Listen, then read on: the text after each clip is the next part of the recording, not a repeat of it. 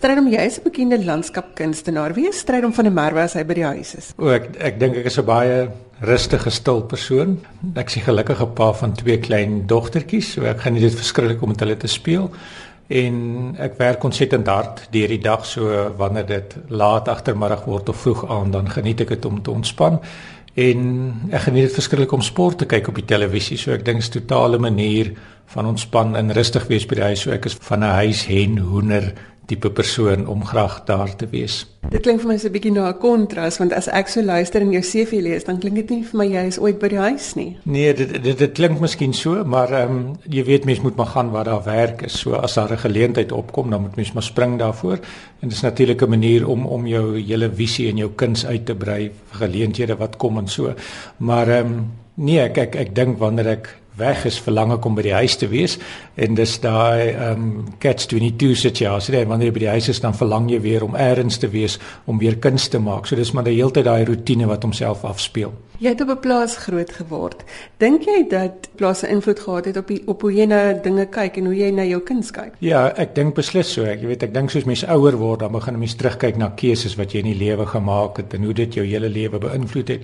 En ek dink die feit dat jy groot geword het op die plaas vir my die jongste van van 'n van 'n paar seuns spandeer jy verskriklik baie tyd in die veld en jy loop op jou eie rond, jy doen jou eie ding en ek spot altyd en ek sê ek ek dink jy raak so verveel dat jy naderhand 'n bossie begin uittrek en klippe begin rondskuif, maar ek dink dit maak dat dat jy anderster na die natuur begin kyk as om net daardeur te stap. En dan dan natuurlik 'n lang tyd verbygegaan wat wat jy ander dinge gedoen het in jou tienerjare en toe kom jy by universiteit en jy studeer kuns en toe iewes skielik begin jy besef maar kuns gaan eintlik oor kleur, tekstuur, perspektief. Al daai goeders vind jy in die natuur ook. So dis net jou keuse van materiaal waarmee jy werk. En ek dink in 'n groot mate soos, soos jy nou sien aan my kuns, dit het alles met die natuur te doen, maar dit is ook baie minimalisties. So ek probeer baie stil oomblikke in die natuur vasvang en ek dink dit kom alles weer terug na as 'n klein seentjie alleen tyd op die plaas spandeer. Hoekom landskapkuns? Dis iets wat kan vergaan en ek moet ek maar vashou as ek dink hierdie ding wat ek nou net geskep het gaan nou deur die wind verwaai word of deur die water weggewas word. Ja, dis 'n baie goeie vraag want dis iets wat altyd by mense opkom. Jy weet as mense koerante dophou dan dan eh, 'n uh, ou meester se skildery vir miljoene verkoop en so aan terwyl ek maak iets wat jy sê dit bestaan vir 'n oomblik en dis nie iets wat jy vir altyd teen jou muur kan hang en sê ek is die trotse eienaar daarvan nie. Maar ek dink mense mense moet heeltemal 'n uh, ander um, kyk en denkproses hierso toepas en dit is te vir my en vir ander soortgelyke kunstenaars gaan dit eerder oor die gedagte wat jy by iemand nalat in sy kop die die um, idee dat daar iets kon gebeur het. So ons praat baie keer van van daar's 'n Japaneese leefstyl met die naam van wabi sabi wat neerkom op om rofweg vertaal selfopgelegde armoede. Maar die armoede is om nie wêreldse goederes bymekaar te maak want dit word uiteindelik eintlik 'n groot straf in jou lewe want hoeveel gaan jy hom genoeg hê? Maar om eerder rykdom in jou kop bymekaar te maak van wonderlike oomblikke wat jy ervaar het en dit saam met jou te dra. So ek dink in 'n groot geval is is is kunstenaars wat in die landskap werk probeer 'n situasie daar skep om vir mense te wys dit is moontlik in die natuur, dit is wat gebeur. En dit hoef nie lank te bestaan nie. Jy onthou dit as 'n wonderlike gedagte wat jy saam met jou dra. Maar die ander kant natuurlik ook, weet die oomblik as jy in die landskap begin werk, dan besef jy die natuur het sy eie siklusse. Niks is permanent in die natuur nie. Jy weet die seisoene loop en so aan. En as jy getrou en eerlik teenoor die natuur wil wees waarin jy werk, dan skep jy werk wat deel is van daai siklusse. So jy wil nie as 'n kunstenaar jou eie ego gaan afdruk op die natuur nie. Ek dink jy besef eerder jy is onderdanig as 'n klein gedeeltjie van 'n groter proses en daarom maak jy werk wat vir daai oomblik bestaan en so aan. Maar dit het ook gekom, jy weet, dis ook 'n groeiproses. Ek kan onthou as 'n kunststudent het ek werk gemaak binne in die kunsfakulteit. Die dosente was geweldig opgewonde daaroor, maar almal het bo die goed geval want ek het in die gange en op die trappe gehad en het gesê gaan doen dit buite die kunsfakulteit. Toe ek dit in die straat gaan doen en en buite en so aan. Die volgende dag is dit gesteel. Toe besef ek nou wat kan ek maak om uiteindelik vir die mense te wys wat ek gemaak het. Ek neem 'n foto, ek dokumenteer dit. So daar het ook 'n eerste proses gekom van dit wat ek gemaak het, hoef nie permanent te wees. Die dokumentasie daarvan is belangrik en permanent. So natuurlik van al my werke neem ek 'n foto en jy kan uiteindelik die foto sien, die dokumentasieproses. Maar dit beteken nie dat die foto die regte kunswerk is nie. En hier hier word dit nou nog 'n tamaletjie van 'n vraag wat natuurlik altyd opduik is wat is nou die kunswerk? Die een wat gemaak is wat nie meer bestaan of die foto as 'n dokumentasie, maar die antwoord is natuurlik albei, maar mens kan natuurlik lank daar daaroor redeneer, maar ek dink om alles af te rond op die uiteinde, wat is uiteindelik permanent? Jy weet of dit nou 100 jaar is en of dit 'n sekonde is, miskien moet ons eerder vasklou aan die oomblik en die wonderlikheid daarvan geniet en saam met ons neem. As ons kan stil staan by die landskapkuns, jy werk baie met rooi wat 'n skelle kontras is van die natuur waarin jy werk. Ja, ja, ek jy weet ek iemand om my vra wat is jou gunsteling kleur gaan ek nou nie noodwendig dadelik sê rooi nie. Ek dink die feit dat rooi opgekom het en dat ek baie daarmee werk, het eintlik maar te doen met met jy soek na 'n kontras, jy soek na kleurgebruik in 'n landskap en dikwels is landskappe vaal of bruin of groen en wat gaan die mees kontrasterende kleur wees daarmee en dan gebruik jy rooi. So in baie van my werk speel rooi um, 'n belangrike simboliese betekenis in die werk, maar in ander in baie van die ander van die gevalle waar ek rooi gebruik het, gaan dit bloot net 'n visuele kontras wat mens gebruik om iets in die landskap uit te beeld. Watter rol speel woorde in jou kuns?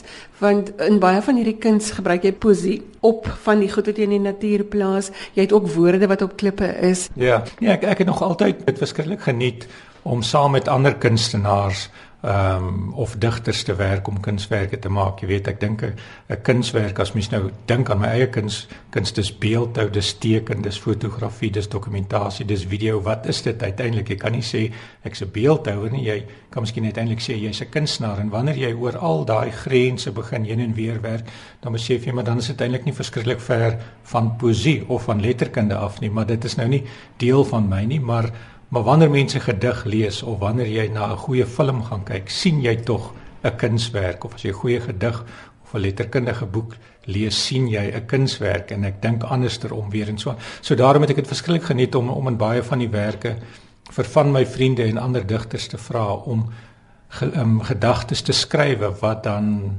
saamwerk met die kunswerk en die twee komplementeer mekaar om uiteindelik by 'n gesamentlike um, simbool of betekenis uit te kom. Vertel vir ons van die uitstalling wat hier by die Street Gallery aan die gang is. Die huidige uitstalling, ek ek sou sê verskil effens miskien van wat mense gewoond is wat ek gewoonlik in die natuur doen, alhoewel ek dink dit miskien maar net 'n tipe van 'n voortsetting is maar waarmee ek besig is. Jy weet, elke ou groei natuurlik in 'n sekere rigting of dit is nie noodwendig dat dit van altyd so sal wees nie. Ek dink mense is die hele tyd besig om nuwe dinge te ontdek en so. So die huidige uitstalling um, noem ek Drawing a Line of of teken 'n lyn as jy dit dit so wil vertaal. En wat ek gedoen het, ek het na ou afgebreekte huise gegaan wat mens eers in die vlakte skry en op hierdie huise het ek dan 'n lang lyn gaan verf. Maar die lyn is interessant deurdat ek uh, op die voorste muur het ek 'n lyn geverf en op die middelste muur het ek dieselfde lyn geverf op die agterste muur ook dieselfde lyn geverf maar as jy op 'n sekere plek staan en jy kyk na die lyn sal dit na een soliede lyn kyk Maar as jy jou perspektief sal verander, sal jy agterkom die lyn verskil eintlik in dikte en hoogte van mekaar en so aan. So dan word dit iewes skielik iets andersters. En die my hele gedagte agter dit is, ehm um, jy weet hoe hoe lees jy 'n lyn deur deur dat is dis 'n kulturele opvoeding en is die manier hoe ons groot geword het en so aan en dit die feit dat dit in 'n huis is begin ook, ook met spasie en met ruimte werk. So hier kom dit weer terug op op wat ons noem in die kunswêreld site spesifiek kuns, 'n spesifieke plek waar 'n kunswerk gemaak is. So die ruimte het vir my bepaal waar ek hierdie lyn gaan trek en verf en die verskillende vlakke maak ook dat ek met dat ek die argitektuur begin gebruik om my te beïnvloed oor hoe ek en waar ek die lyn trek. So dis nog steeds buite in die landskap waar ek die kunswerk gemaak het en is nog steeds werk wat nie lank bestaan nie. So ek het weer dit gedokumenteer, fotos geneem en die fotos is dan nou op uitstalling. Die een foto sal wys hoe mens hoe dit een lyk like as een spesifieke soliede lyn en op 'n volgende foto sal ek 'n eentjie wegstaan en sal jy sien dat die lyn eintlik opgebreek is in verskillende vlakke. En toe het ek verder gegaan en en 'n klein spesifieke gedeeltjie van daai lyn gevat en dit geweldig groot abstrakt gaan teken. So dit word 'n klein segment van die kunswerk wat jy daar is en dan soos wat dit gaan het ek dan ook beeldhouwerke gemaak wat daarmee saamgaan en hier is ook in die galery saam die uitstalling 'n video dokumentasie wat wys hoe ek hierdie lyne op hierdie geboue um, in die vlaktes gestaan en verf het want ek dink dis dis dikwels moeilik.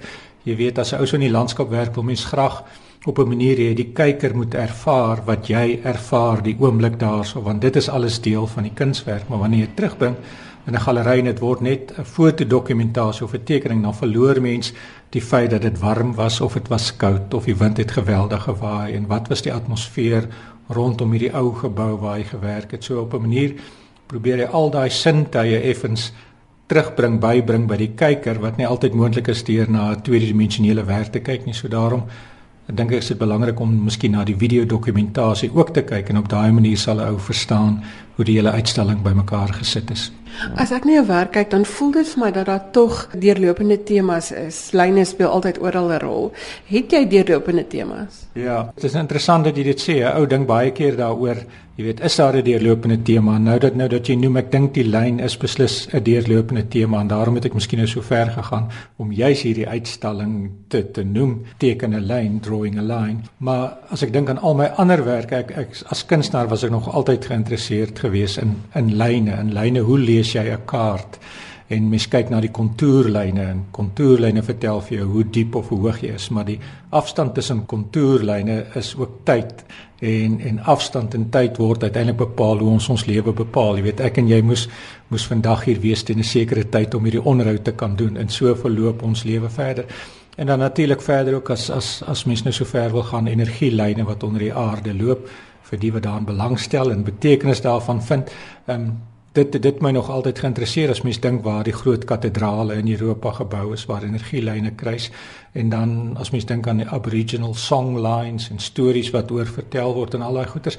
En weet jy dit ehm um, die oomblik as mens nou eers op hierdie lyn ding is dan dan trek dit miskien alles terug na wat ek dink wat die beginpunt was van hierdie uitstalling ook al wel 'n ouer baie jare gegroei het gaan jy miskien baie keer terug na die basiese en dis enige kunswerk begin deur die trek van 'n lyntjie. Die lyntjie word uiteindelik of dit word 'n gesig of dit word 'n landskap.